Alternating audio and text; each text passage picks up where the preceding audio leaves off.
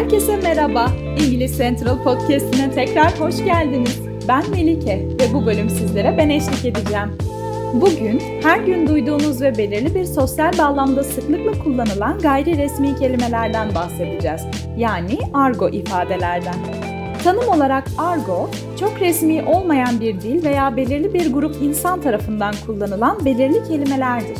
Bu argo kelimelerin birçoğunun konuşmanın bağlamına bağlı olarak birden fazla anlamı vardır. Örneğin esnek anlamına gelen flex kelimesini duyduğumuzda otomatik olarak kasları düşünürüz.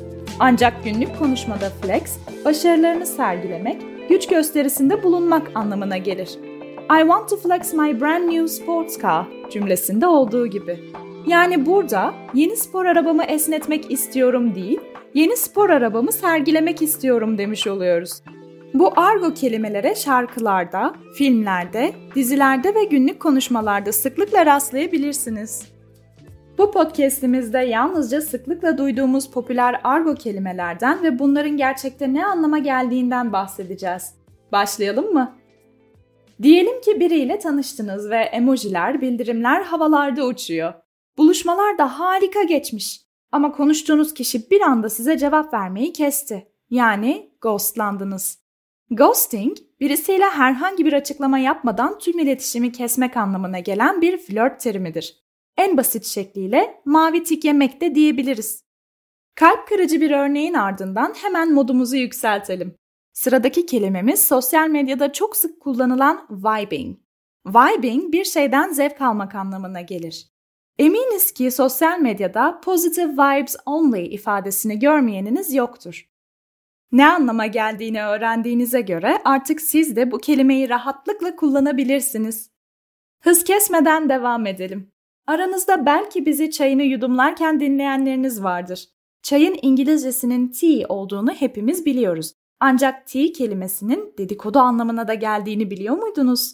Dedikodunun en keyifli yerinde çıkar ağzındaki şu baklayı demek için spill the tea diyebilirsiniz.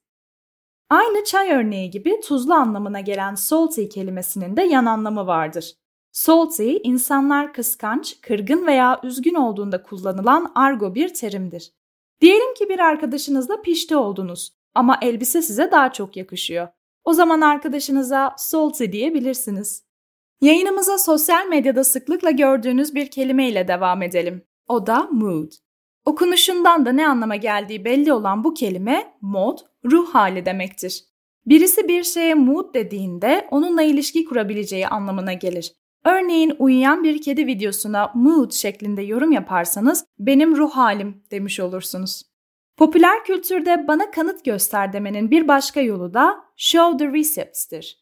Birisi sizi mesaj yoluyla yalan söylemekle suçladığında size show me the receipts diyebilir. Argo sadece kelimeler veya deyimlerden oluşmaz. Kısaltmalar da kullanılır. Eğer internette TBH şeklinde bir ifade görüyorsanız bu to be honest yani dürüst olmak gerekirse ifadesinin kısaltılmasıdır. Yalan söylemeyeceğim anlamına gelen not gonna lie ifadesinin kısaltması ise NGL'dir.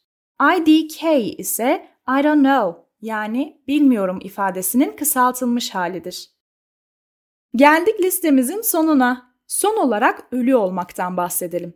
Sözlükte artık hayatta olmayan bir şeyi tanımlamak için dead ifadesini kullanırız.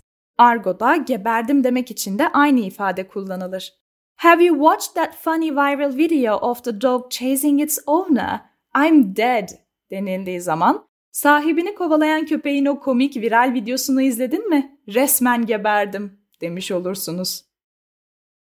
Argo'nun ülkeden ülkeye değişebileceğini unutmamakta fayda var. Ancak argo, farklı durumlarda faydalı olabilecek İngilizce konuşmanın önemli bir parçasıdır. Kim internet aleminde dönen geyiklerden geri kalmak ister ki? Bugünlük bizden bu kadar. Umuyoruz ki sizlere günlük hayatınızda kullanabileceğiniz yeni ifadeler öğretmişizdir. Daha fazla bilgi için www.ingilizcentral.com adresini ziyaret edebilir veya İngiliz Central uygulamasını indirebilirsiniz. Bu bölümü beğendiyseniz bizi oynatma listenize eklemeyi ve bölümlerinize kaydetmeyi unutmayın. Dinlediğiniz için teşekkür ederiz. Tekrar konuşmak üzere.